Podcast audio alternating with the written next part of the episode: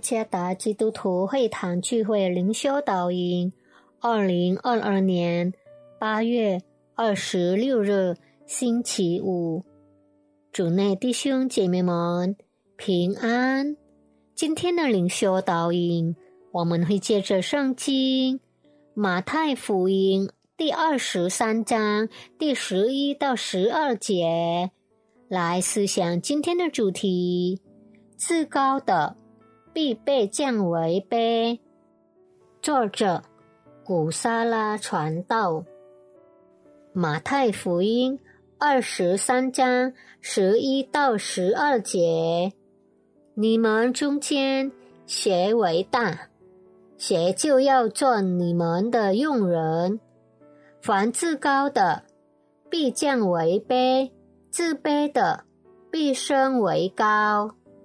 在一次会议上，一位先生被邀请在一个讲座会中演讲，同时还有另外一个著名演讲者也将在此讲座会中演讲。当会议主席宣布此讲座会时，邀请了尽可能多的人参加这位著名演讲者的讲座会，并说他在这里的出席是我们的荣幸。当时，那位作为讲员者之一的先生被主席说的这些话冒犯了，他想。我和他准备这次演讲的时间几乎一样。我必须离开我的家人来到这里。现在会议主席却邀请大家参加另一个讲座，这是什么道理？这就是一种骄傲和嫉妒的反应。然而。圣灵终于唤醒了这位先生，使得他意识到自己越想被高举，反而越觉得被降卑。主耶稣是应该被高举和被服侍的，但在他的事工中，他反而教导并依循了仆人式的领导。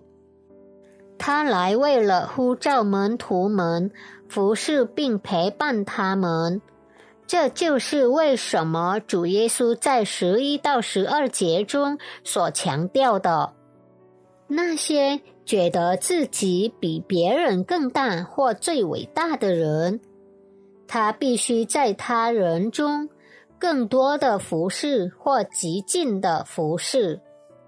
如果仅仅因优势而自豪，迟早我们会陷入骄傲的最终。